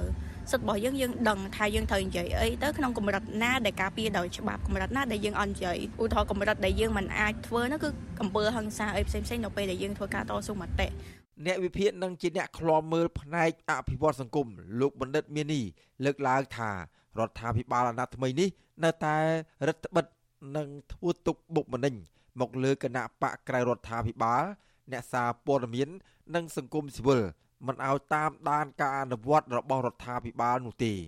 ខណៈការដឹកនាំរបស់រដ្ឋាភិបាលក៏មិនបានបង្ហាញតម្លាភាពនឹងការចំណាយជាក់លាក់ដល់សាធារណជន។ បណ្ឌិតមាននីមានក្តីព្រួយបារម្ភថារដ្ឋាភិបាលនឹងបង្កើនការខ្ចីបំណុលពីបរទេសជារៀងរាល់ឆ្នាំខណៈការចំណាយរបស់រដ្ឋាភិបាលមិនមានប្រសិទ្ធភាព បើយើងគ្រាន់តែចេះតែគ្រោងឲ្យកើនពីមួយឆ្នាំទៅមួយឆ្នាំរាប់ពាន់លានក៏ប៉ុន្តែទីចុងផុតលុយហ្នឹងគឺយើងរកអត់គ្រប់ខ្លួនឯងទេយើងទៅខ្ចីលុយគេបន្ថែមមកទៀតអញ្ចឹងអាហ្នឹងវាសិតតែសម្ពាធដែលបន្ថែមខ្ញុំមិនមិនមែនចង់និយាយប្រឆាំងថាយើងមិនត្រូវការខ្ចីលុយគេយើងអាចខ្ចីបានក៏ប៉ុន្តែបើយើងមិនប្រឹងរកខ្លួនឯងហើយយើងប្រឹងតែខ្ចីគេបន្តដើម្បីប្រគ្រប់ហើយធ្វើការបំប៉ោងនៅថាវិការជាតិឲ្យមើលទៅឃើញថាច្រើនថាសម្បើមប៉ុន្តែដល់ពេលរកលុយមកសម្រាប់យកមកចំណាយវាអត់គ្រប់ វិទ្យុអសីសេរីនៅពុំទាន់អាចសុំការឆ្លើយតបអំពីរឿងនេះពីអ្នកនាំពាក្យអង្គភាពប្រឆាំងអំពើពុករលួយ លោកសយច័ន្ទវិចិត្រនិងប្រធានអង្គភាពអ្នកនាំពាក្យរដ្ឋាភិបាលលោកប៉ែនបូណាបាននៅឡើយទេនៅថ្ងៃទី8ខែធ្នូនាយកកម្មវិធីអង្គការតម្លាភាពកម្ពុជា លោកអឹមនរិន លើកឡើងថា បញ្ហាអំពើពុករលួយ នៅតែជាក្តីកង្វល់របស់សង្គមស៊ីវិលដដែលលោកយល់ថារដ្ឋាភិបាលថ្មីដែលបន្តវេនពីឪពុកម្ដាយរបស់ពួកគេ អាចប្រព្រឹត្តអំពើពុករលួយជាងមុនដោយគ្មានវត្តមានគណៈបកប្រឆាំងទោះជាយ៉ាងណា លោកអឹមនរិនជំរុញដល់ប្រជាពលរដ្ឋគ្រប់រូបដែលជាម្ចាស់វាសនានៃប្រទេសជាតិគួរចូលរួមឲ្យសកម្មដើម្បីទប់ស្កាត់ឬកាត់បន្ថយអំពើពុករលួយ ដែលបន្តចាក់ស្រេះក្នុងសង្គមកម្ពុជា។ រឿងជាច្រើនដែលបើសិនជាប្រជាបរតគាត់មានការមិនពេញចិត្តលើរឿងអីមួយហើយបានសម្ដែងនឹងមតិរបស់ខ្លួនឲ្យបានទលំទលាយទៅរដ្ឋាភិបាលក៏គាត់ធ្វើការពិចារណាដែរយើងឧទាហរណ៍ដូចគ្នាយើងបានលើកឡើងពីរឿងក្នុងតម៉ៅឬក៏រឿងអីផ្សេងផ្សេងទៀតហ្នឹងក៏អាចមានឥទ្ធិពលដែររបាយការណ៍របស់អង្គការតម្លាភាពអន្តរជាតិស្ដីពីការពង្រឹងត្រួតពិនិត្យរបស់សភាចេញផ្សាយកាលពីថ្ងៃទី30ខែវិច្ឆិការកឃើញថា បន្ទាប់ពីអវត្តមានគណៈបកប្រឆាំងឬសំលេងជំទាស់ការត្រួតពិនិត្យតាមដានរបស់សភាប្រកបដោយតម្លាភាពលើការអនុវត្តរបស់រដ្ឋាភិបាល និងស្ថាប័នរបស់រដ្ឋាភិបាល មានការធ្លាក់ចុះស្ទើរគ្មានសកម្មភាព ដែលធ្វើឲ្យនាយករដ្ឋមន្ត្រី មានឥទ្ធិពលហួសប្រមាណក្នុងការច្រានចោលសម្លេងរិះគន់ទាំងឡាយលើរដ្ឋាភិបាល រួមទាំងសម្លេងជំទាស់ពីគណៈបកប្រជាជនកម្ពុជាផងដែរ។ ខ្ញុំបាទសេកបណ្ឌិតវុទ្ធុអាស៊ីសេរីពីរដ្ឋធានីវ៉ាស៊ីនតោនពាក់ព័ន្ធទៅនឹងបញ្ហាកុមារឯនេះវិញអង្គការ UNICEF អំពាវនាវដល់រដ្ឋាភិបាលកម្ពុជាឲ្យទប់ស្កាត់ការប្រាអំពើហិង្សាលើកុមារជាបន្ទាន់អង្គការ UNICEF កាលពីថ្ងៃទី8ខែធ្នូឲ្យដឹងថាកុមារជាច្រើនអ្នកកំពុងជួបប្រទះនៃការប្រាអំពើហិង្សាដ៏អាក្រក់រួមទាំងការរំលោភបំពានលើរូបរាងកាយផ្លូវចិត្តការកេងប្រវ័ញ្ចកម្លាំងពលកម្មនិងរំលោភបំពានគ្រប់រូបភាព។ សេចក្តីប្រកាសព័ត៌មានរបស់អង្គការ UNICEF ចេញផ្សាយកាលពីថ្ងៃទី8ខែធ្នូធ្វើឡើងក្រោយពេលនាយកប្រចាំតំបន់អាស៊ីបូព៌ានិងប៉ាស៊ីហ្វិកអ្នកស្រី Deborah Khomini បានបញ្ចប់ដំណើរទស្សនកិច្ចរយៈពេល3ថ្ងៃនៅកម្ពុជា កាលពីថ្ងៃទី8ខែធ្នូដំណើរទស្សនកិច្ចរបស់អ្នកស្រីនេះ គឺដើម្បីលើកកម្ពស់សិទ្ធិកុមារនិងពិនិត្យមើលដំណើរការការងាររបស់អង្គការ UNICEF នៅកម្ពុជា នៅក្នុងបេសកកម្មលើកកម្ពស់សិទ្ធិកុមារគាំពៀថែទាំកុមារនិងជួយដល់យុវជនដែលងាយរងគ្រោះបំផុត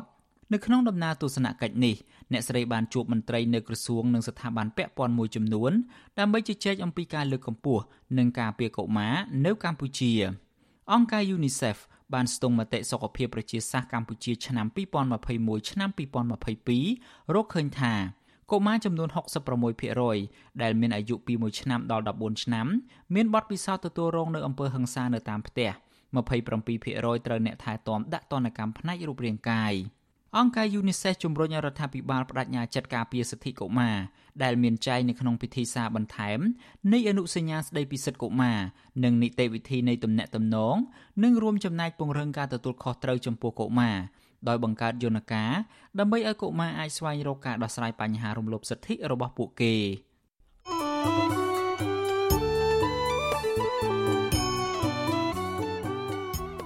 លោកអ្នកនាងកញ្ញាជាទីមេត្រី វិទ្យុអាស៊ីសេរីបានទទួលសំណូមពរពីអ្នកស្ដាប់និងអ្នកទស្សនារបស់យើងច្រើនណាស់ថាកុំឲ្យដាក់ចំណងជើងផ្ទុយពីខ្លឹមសារនៃព័ត៌មានឧទាហរណ៍ដូចជាដាក់ចំណងជើងថា Vivo ហើយលោកហ៊ុនសែនត្រូវតុលាការព្រហ្មទណ្ឌអន្តរជាតិ ICC យកទៅកាត់ទោសជាដើមក៏ប៉ុន្តែនៅពេលចុចស្ដាប់ទៅមិនលឺនិយាយអំពីរឿងនេះសោះបាទយើងខ្ញុំសូមជម្រាបជូនថា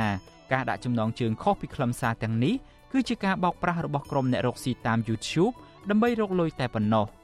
ពួកគេបានលួចយកខ្លឹមសារនៃការផ្សាយរបស់ Vuthu Azizi Siri ទៅកាត់តរួចក៏បដូរចំណងជើងទៅតាមរបៀបប្លែកៗហួសហេតុខុសពីការពិតនៅក្នុងគោលបំណងតាក់ទាញចិត្តរបស់លោកអ្នកនាងកញ្ញាឲ្យទៅចុចស្ដាប់ឬទស្សនាដើម្បីបាន view ឬក៏បានចំនួនអ្នកចូលទស្សនាច្រើនមានអ្នកចុចស្ដាប់កាន់តែច្រើន ពួកគេក៏កាន់តែរកប្រាក់បានច្រើនតាមនោះដែរវិទ្យុអាស៊ីសេរីមិនដែលដាក់ចំណងជើងខុសពីខ្លឹមសារនោះទេ លោកអ្នកនាងកញ្ញាអាចចូលរួមទប់ស្កាត់ការបោកប្រាស់ទាំងនេះបានដោយឈប់ចុចស្ដាប់ឬក៏ទស្សនាការចុះផ្សាយណាដែលដាក់ចំណងជើងខុសប្លែកគួរឲ្យសង្ស័យទាំងនេះជាពិសេសទៅទៀតនោះដើម្បីស្ដាប់ឬមួយក៏ទស្សនាការផ្សាយពិតរបស់វិទ្យុអាស៊ីសេរីសូមលោកអ្នកនាងចូលទៅក្នុង Channel របស់អាស៊ីសេរីតែម្ដង ដែលមានអាសយដ្ឋាន www.youtube.com/@rfa ខ្មែរបាទសូមអរគុណ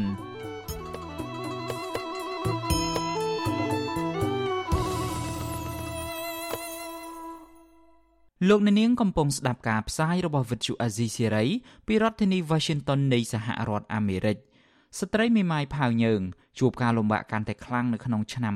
2023នេះគឺលោកស្រីត្រូវអាជ្ញាធរចាប់ដាក់ពន្ធនាគារជាមួយនឹងកូនតូចអាយុ1ខួបទាំងដែលលោកស្រីមិនទាន់សះស្បើយពីជំងឺក្រោយការវះកាត់រួមទាំងជំងឺប្រចាំកាយជាច្រើនមុខទៀតផងបើទោះបីជាលោកស្រីមិនបានប្រព្រឹត្តកំហុសដោយការចោទប្រកាន់ក៏ដោយ។ ករណីនេះគឺជាឧទាហរណ៍មួយទៀតដែលអាជ្ញាធរនិងតុលាការយកទូនីតិធ្វើជាអាវុធធ្វើទារុណកម្មផ្លូវកាយនិងផ្លូវចិត្តដើម្បីតែរារាំងស្ត្រីរងគ្រោះពីការរំលោភយកដីធ្លីពីអ្នកមានលុយមានអំណាចឲ្យឈប់តវ៉ាការពារដីធ្លីរបស់ខ្លួនទោះជាយ៉ាងនេះក្តីលោកស្រីផាវយើងនឹងមិនបោះបង់ចោលការតវ៉ាដោយសង្ឃឹមថានឹងមានដំណោះស្រាយដីធ្លីបើទោះបីជាត្រូវតស៊ូដល់ជីវិតចុងក្រោយក៏ដោយ ពីព្រោះលោកស្រីជឿជាក់ថាដីគឺជាជីវិតគ្មានដីគឺស្មើនឹងលោកស្រីគ្មានជីវិតរួចទៅហើយបាទអ្នកស្រីសុជីវីសូមជូនសេចក្តីរាយការណ៍អំពីសកម្មជនដីធ្លីលោកស្រីផាវយើងដែលឆ្លងកាត់បទពិសោធន៍ជាប់ឃុំជាមួយនឹងកូនតូចនេះដូចតទៅស្ត្រីមានកូនតូចតែងមានបន្ទុកនិងការលំបាកខុសពីមនុស្សទូទៅដែលខ្លួនមួយប៉ុន្តែការលំបាកនោះនឹងកើនឡើងកាន់តែខ្លាំង នៅពេលដែលទាំងម្ដាយនិងកូនត្រូវជាប់ឃុំក្នុងពន្ធនាគារដែលចង្អៀតណែនលោកស្រីផៅញឹងរៀបរាប់ទាំងឈឺចាប់ថាអញ្ញាធននិងតុលាការប៉ុនប៉ងផ្ដាច់ផ្ដាល់ជីវិតរបស់លោកស្រីនិងកូនតូចដែលមិនទាន់ដឹងក្តីតឡាការខេត្តកោះកុងគឺអត់បានការពីរយុទ្ធធរឲ្យខ្ញុំទេមានតែចេញពីការឃុំខ្លួនខ្ញុំបន្ថែមទៀតខ្ញុំ ទាំងឈឺទាំងកូនតូចគឺពួកគាត់ចង់សម្លាប់ខ្ញុំឲ្យស្លាប់ដោយស្របច្បាប់ក្នុងវ័យ48ឆ្នាំលោកស្រីផៅញើងដែលជាជនរងគ្រោះពីការរំលោភយកដីធ្លីនិងការបណ្តេញចេញដោយបង្ខំ បានคล้ายទៅជាអ្នកទោសទៅវិញនៅក្រោមបទចោទដ៏ពេញនិយមនៅក្នុងប្រវត្តិសាស្ត្រតុលាការកម្ពុជា ក្នុងសម័យអគុណសន្តិភាពនេះគឺបទបរិហាកេនិងបទញុះញង់ដោយសារតែលោកស្រីចេញមុខតវ៉ារឿងដីធ្លី តុលាការខេត្តកោះកុងកាត់ឲ្យលោកស្រីជាប់ពន្ធនាគារមួយឆ្នាំនិងសងជំងឺចិត្តចំនួន40លានរៀលឬជិត10000ដុល្លារដែលអ្នកសហគមន៍អះអាងថាជាអ្នករំលោភដីធ្លីពលរដ្ឋអាជ្ញាធរបានចាប់ខ្លួនលោកស្រីនិងកូនតូចកាលពីថ្ងៃទី29ខែមិថុនានៅពេលក្រុមពលរដ្ឋមានចំនួនដីធ្លីនៅក្នុងខេត្តកោះកុងនាំគ្នាធ្វើដំណើរទៅដាក់ញត្តិសុំអន្តរាគមន៍ពីរដ្ឋមន្ត្រីក្រសួងយុតិធធលោកកើតរិទ្ធឲ្យទម្លាក់ចោលបទចោទប្រកាន់តំណាងសហគមន៍ចំនួន30នាក់ ដែលជាប់បណ្ដឹងនៅតុលាការដោយសាររឿងដីធ្លីក្នុងបន្ទប់ឃុំខ្លួននៅពន្ធនាគារខេត្តកោះកុងលោកស្រីអាណិតកូនតូចដែលមិនទាន់ដឹងក្តីផងបែរជាបាត់បង់សេរីភាព និងជួបការលំបាកសពបែបយ៉ាងជាមួយម្ដាយលិតគាត់ហ្នឹងព្រោះអីពេលគេអត់បើកទ្វារគេចាក់សោទៅគឺគាត់នៅអង្គុយនៅកន្លែងចម្រឹងដៃទ្វារហ្នឹងដែលគេទុកប្រហោងប្រហោងដោយប្រកាន់ដៃយ៉ាងហ្នឹងគឺគាត់នៅឈរនៅហ្នឹងហើយស្រែកហៅគេហៅឯង ក្នុងអារម្មណ៍ខ្ញុំពេលនោះខ្ញុំគិតថាហេតុអីបានជាកូននឹងត្រូវបានពិបាកវេទនាម៉េចគាត់ទៅហើយកូននេះដែរក៏មិនមែនកូនបកើតខ្ញុំទេគឺកូនដែលគេលែងញ៉ាំគ្នាហើយគេបោះបង់គាត់ចោលហើយខ្ញុំសុំគេយកមកចិញ្ចឹមគាត់ទេអញ្ចឹងហើយលោកស្រីដឹងថាក្នុងពន្ធនាគារកូនតូចពិបាកលូតលាស់ទាំងរាងកាយនិងបញ្ញាស្មារតី ហើយថែមទាំងឈឺញឹកញាប់ដោយសារតែកន្លែងស្នាក់នៅតូចចង្អៀតមិនមានអនាម័យក្នុងរយៈពេលជិត100ថ្ងៃនៅក្នុងពន្ធនាគារលោកស្រីដឹងច្បាស់ទៀតថានឹងមិនអាចមានជីវិតចេញមកក្រៅឡើយប្រសិនបើលោកស្រីនិងកូនតូចធ្លាក់ខ្លួនឈឺធ្ងន់វាពិបាកខ្លាំងណាស់បើនិយាយទៅដឹងនិយាយថាប្រៀបធៀបនឹងអីឯងគឺអារម្មណ៍យើងគិតថាបើឈឺធ្ងន់មានតែងាប់ប៉ុណ្ណឹងខ្ញុំគិតអានេះគឺជាគំនិតរបស់ខ្ញុំទេណា ខ្ញុំអត់ដឹងថាពេទ្យនឹងគាត់មានសមត្ថភាពលទ្ធភាពយ៉ាងម៉េចខ្ញុំអត់ដឹងទេលោកស្រីក៏បានឃើញក្មេងតូចតូចជិត10នាក់ផ្សេងទៀតក៏តាមម្ដាយជាប់នៅក្នុងពន្ធនាគារក្នុងនោះក៏មានកូនតូចអាយុប្រហែល9ខែម្នាក់ដែរលោកស្រីផៅយើងបន្តថាអ្វីដែលជាក្តីបារម្ភមួយទៀតនោះគឺក្មេងៗដែលដឹងសេចក្តីខ្លះអាចនឹងចម្លងគំរូមិនល្អពីអ្នកជាប់ឃុំខ្លះដែលជាអ ுக ្រិតជនរបាយការណ៍របស់អគ្គនាយកដ្ឋានពន្ធនាគារឲ្យដឹងថានៅក្នុងឆ្នាំ2022 មានកុមារចំនួន102នាក់ជាប់ឃុំជាមួយម្ដាយនិងមានស្ត្រីមានផ្ទៃពោះចំនួន26នាក់ចំណែកអង្គការសិទ្ធិមនុស្សលីកាដូរកឃើញថាត្រឹមខែមេសាឆ្នាំ2023មានកុមារតូចយ៉ាងតិច82នាក់កំពុងរស់នៅជាមួយម្ដាយនិងមានទារកចំនួន30ផ្សេងទៀតកំពុងនៅក្នុងផ្ទៃម្ដាយដែលកំពុងជាប់ឃុំនៅក្នុងស្ថានភាពពន្ធនាគារដែលចង្អៀតណែនខ្លាំង កុមារពុំមានកន្លែងដេកសមរម្យខ្វះអនាម័យខ្វះអាហារនិងខ្វះទឹករីឯការថែទាំសុខភាព និងអាហារូបត្ថម្ភវិញ គឺមិនគ្រប់គ្រាន់មិនស្មើភាពគ្នា ដែលអាចនឹងបង្កគ្រោះថ្នាក់ដល់ជីវិតទាំងម្ដាយនិងកូនកាលពីឆ្នាំ2020ទារកអាយុ5ខែម្នាក់បានស្លាប់ក្រោយមានជំងឺរលាកសួតនៅក្នុងពន្ធនាគារហើយគ្រូពេទ្យនៅខាងក្រៅពន្ធនាគារមិនអាចសង្គ្រោះបានអង្គការលីកាដូរកឃើញថាទារកនោះ បានធ្លាក់ខ្លួនឈឺនៅក្រោយមានរបួសបាក់ឆ្អឹងផ្លូវនាយកទទួលបន្ទុកកិច្ចការទូតនៃអង្គការលីកាដូលោកអំសំអាត សំណុំពរថាតុលាការគួរតែពិចារណាឲ្យបានដិតដល់មុនពេលសម្រេចឃុំខ្លួនស្ត្រីមានកូនតូចឬគួរតែដាក់ឲ្យពួកគេបាននៅក្រៅឃុំបណ្ដោះអាសន្នដើម្បីកាត់បន្ថយករណីឃុំខ្លួនកុមារនៅជាមួយម្ដាយជាញឹកញយមន្ត្រីអគ្គនាយកដ្ឋានពន្ធនាគារតែងតែអះអាងដដែលដដែលថា បានកែលម្អស្ថានភាពក្នុងពន្ធនាគារបណ្ដាបណ្ដាហើយយ៉ាងនេះក្តីរបាយការណ៍របស់ក្រសួងការបរទេសអាមេរិកស្តីពីស្ថានភាពសិទ្ធិមនុស្សនៅកម្ពុជានៅក្នុងឆ្នាំ2022បង្ហាញពីស្ថានភាពចង្អៀតណែននៅក្នុងពន្ធនាគារនៅតែបន្តក្នុងនោះក្នុងពន្ធនាគារចំនួន28នៅទូទាំងប្រទេស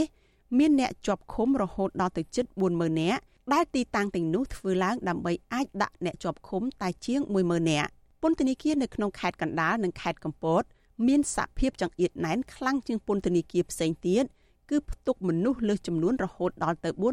400%ជាមួយគ្នានេះរបាយការណ៍ឲ្យដឹងដែរថាអ្នកជាប់ឃុំនៅក្នុងពន្ធនាគារប្រឈមនឹងខ្វះរបបអាហារនិងសម្ភារៈចាំបាច់ជាញឹកញយអ្នកជាប់ឃុំពឹងផ្អែកលើអាហារដែលគ្រួសារបញ្ជូនទៅឲ្យនិងអ្នកខ្លះអះអាងថាបានចងការលុយពីមន្ត្រីពន្ធនាគារដើម្បីទិញអាហារ ស្ថានភាពទាំងអស់នេះហើយដែលលោកស្រីផៅយើងនិងកូនបានជួបប្រទះនៅក្នុងពេលជាប់ពន្ធនាគារលោកស្រីថាមនុស្សមានសុខភាពល្អធម្មតាម្នាក់នៅពេលជាប់ពន្ធនាគារក៏នឹងអាចក្លាយជាអ្នកជំងឺដោយជៀសមិនរួចចុះទម្រាំលោកស្រីដែលទើបតែវះកាត់រួចមានជំងឺប្រចាំកាយច្រើនមុខនិងត្រូវលេបថ្នាំព្យាបាលជំងឺផ្លូវចិត្តជារៀងរាល់ថ្ងៃផងនោះតាំងពីកន្លែងដេកតាំងពីកន្លែងហូបចុក អីហ្នឹងគឺយើងប្រឈមហានិភ័យនឹងឆ្លងជំងឺផ្សេងផ្សេងជាងគេដោយសារតែយើងមានកូនតូចហើយយើងទើបតែវះកាត់ថ្នាំយើងអត់គ្រប់គ្រាន់សំណុំរឿងនេះមិនមែនគ្រាន់តែជាទារុណកម្មទៅលើរូបលោកស្រីទេ កូនតូចតូចរបស់លោកស្រីនៅខាងក្រៅពន្ធនាគារវិញក៏រងទារុណកម្មដែរពួកគេបាត់បង់ភាពកក់ក្ដៅពីម្ដាយនិងត្រូវបង្ខំចិត្តចេញតវ៉ាឲ្យអាជ្ញាធរដោះលែងម្ដាយ ពួកគេទួញយំនឹកម្ដាយនិងម្យ៉ាងក៏អាណិតម្ដាយនិងកូនប្រុសដែលជាប់ឃុំទាំងអយុត្តិធម៌ខ្ញុំបាត់បង់ការពាក្យថាក្ដៅហើយនឹងអត់បានរៀនខ្ញុំនឹកម៉ាក់ខ្ញុំខ្ញុំចង់បានដូចគ្រួសារគេជួបជុំគ្នាខ្ញុំចង់ជួបម៉ាក់ឲ្យគេដោះលែងម៉ាក់ខ្ញុំចេញមកក្រៅខ្ញុំចង់ជួបម៉ាក់ខ្ញុំទុកសោកប្រត់ប្រាស់គ្នារបស់ម្ដាយនិងកូនស្ត្រីតស៊ូការពារដីធ្លីរូបនេះបានរសាយទៅវិញបន្តិច នៅពេលសាលាឧទ្ធរសម្រេចឲ្យលោកស្រីបាននៅក្រៅឃុំបណ្ដោះអាសន្នកាលពីដើមខែតុលាតំណាងសហគមន៍មានទំនាស់ដីធ្លីនៅខេត្តកោះកុងចំនួន9នាក់រួមនឹងលោកស្រីផៅញើងផងបាននៅក្រៅឃុំប៉ុន្តែបទចោទប្រកាន់លើពួកគេមិនបានផុតរលត់ទេពលគឺទោសជាប់ពន្ធនាគារនេះនៅតែអន្ទោលតាមប្រានពួកគេជាប់ជានិច្ចចំណែកដំណោះស្រាយបញ្ហាដីធ្លីសម្រាប់ពួកគេក៏មិនដឹងថាពេលណានឹងទទួលបានដែរ គ្រួសារលោកស្រីផៅញើងមិនខុសពីពលរដ្ឋជាច្រើនគ្រួសារទៀតដែរមានចំនួនដីធ្លីជាមួយនឹងក្រុមហ៊ុនចំនួន2ដែលចូលទៅអភិវឌ្ឍនិងដាំអំពៅនៅក្នុងខេត្តកោះកុងគឺក្រុមហ៊ុនចិន Union Development និងក្រុមហ៊ុនរបស់លោកហេងហ៊ុយតាំងពីឆ្នាំ2007ពលរដ្ឋតែងនាំគ្នាទៅដាក់បណ្ដឹងនៅក្រសួងស្ថាប័នពាក់ព័ន្ធតែមិនទទួលបានដំណោះស្រាយទេទោះជាទុកលំបាកនឹងការឈឺចាប់បានកើនឡើងទ្វេដងនៅក្នុងពេលលោកស្រីជាប់ពន្ធនាគារក្តី ក៏លោកស្រីផៅញើងមិនព្រមបោះបង់ឆន្ទៈតស៊ូដើម្បីដីធ្លីរបស់លោកស្រីនិងសហគមន៍ដែររត់តែបង្កើននៅការឈឺចាប់ខ្ញុំកាន់តែខ្លាំងញុះញង់ចិត្តខ្ញុំឲ្យខ្ញុំនឹងទៅជាមនុស្សដែលហ៊ានលះបង់ដល់អាយុជីវិតឯណោះมันអាចថាមកគម្រាមកំហែងឲ្យឈប់ដាក់គុកយ៉ាងទៅឲ្យរៀងចាលឲ្យអីគឺអត់ទេទោះបីជាខ្ញុំជួបពិបាកដូច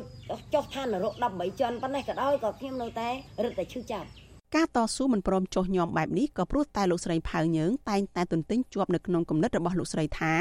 ដីគឺជាជីវិតគ្មានដីគឺគ្មានជីវិតសម្រាប់លោកស្រីនិងកូនកូននាងខ្ញុំសុជីវី Vithu Azizi Serai ពីរដ្ឋធានី Washington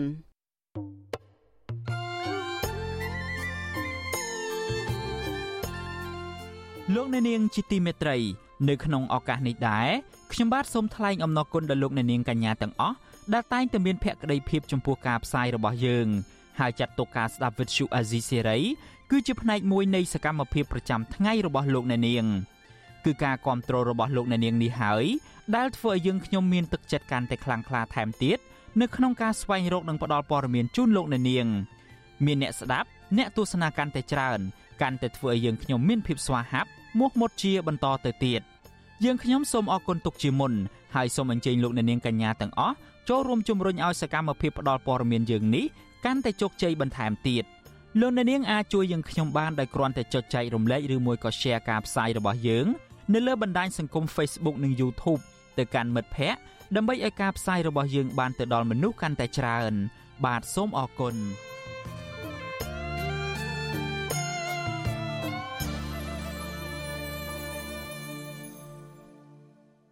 លោកអ្នកនាងជាទីមេត្រី ការផ្សាយរយៈពេល1ម៉ោងរបស់ Vuthu Azizi Serai នៅព្រឹកនេះចប់ត្រឹមតែប៉ុណ្ណេះយើងខ្ញុំសូមជូនពរដល់លោកអ្នកនាងព្រមទាំងក្រុមគ្រួសារទាំងអស់ឲ្យជួបប្រកបតែនឹងសេចក្តីសុខចម្រើនរុងរឿងកុំបីឃ្លៀងឃ្លាតឡើយខ្ញុំបាទយ៉ងច័ន្ទដារាព្រមទាំងក្រុមការងារទាំងអស់នៃ Vuthu Azizi Serai សូមអរគុណនិងសូមជម្រាបលា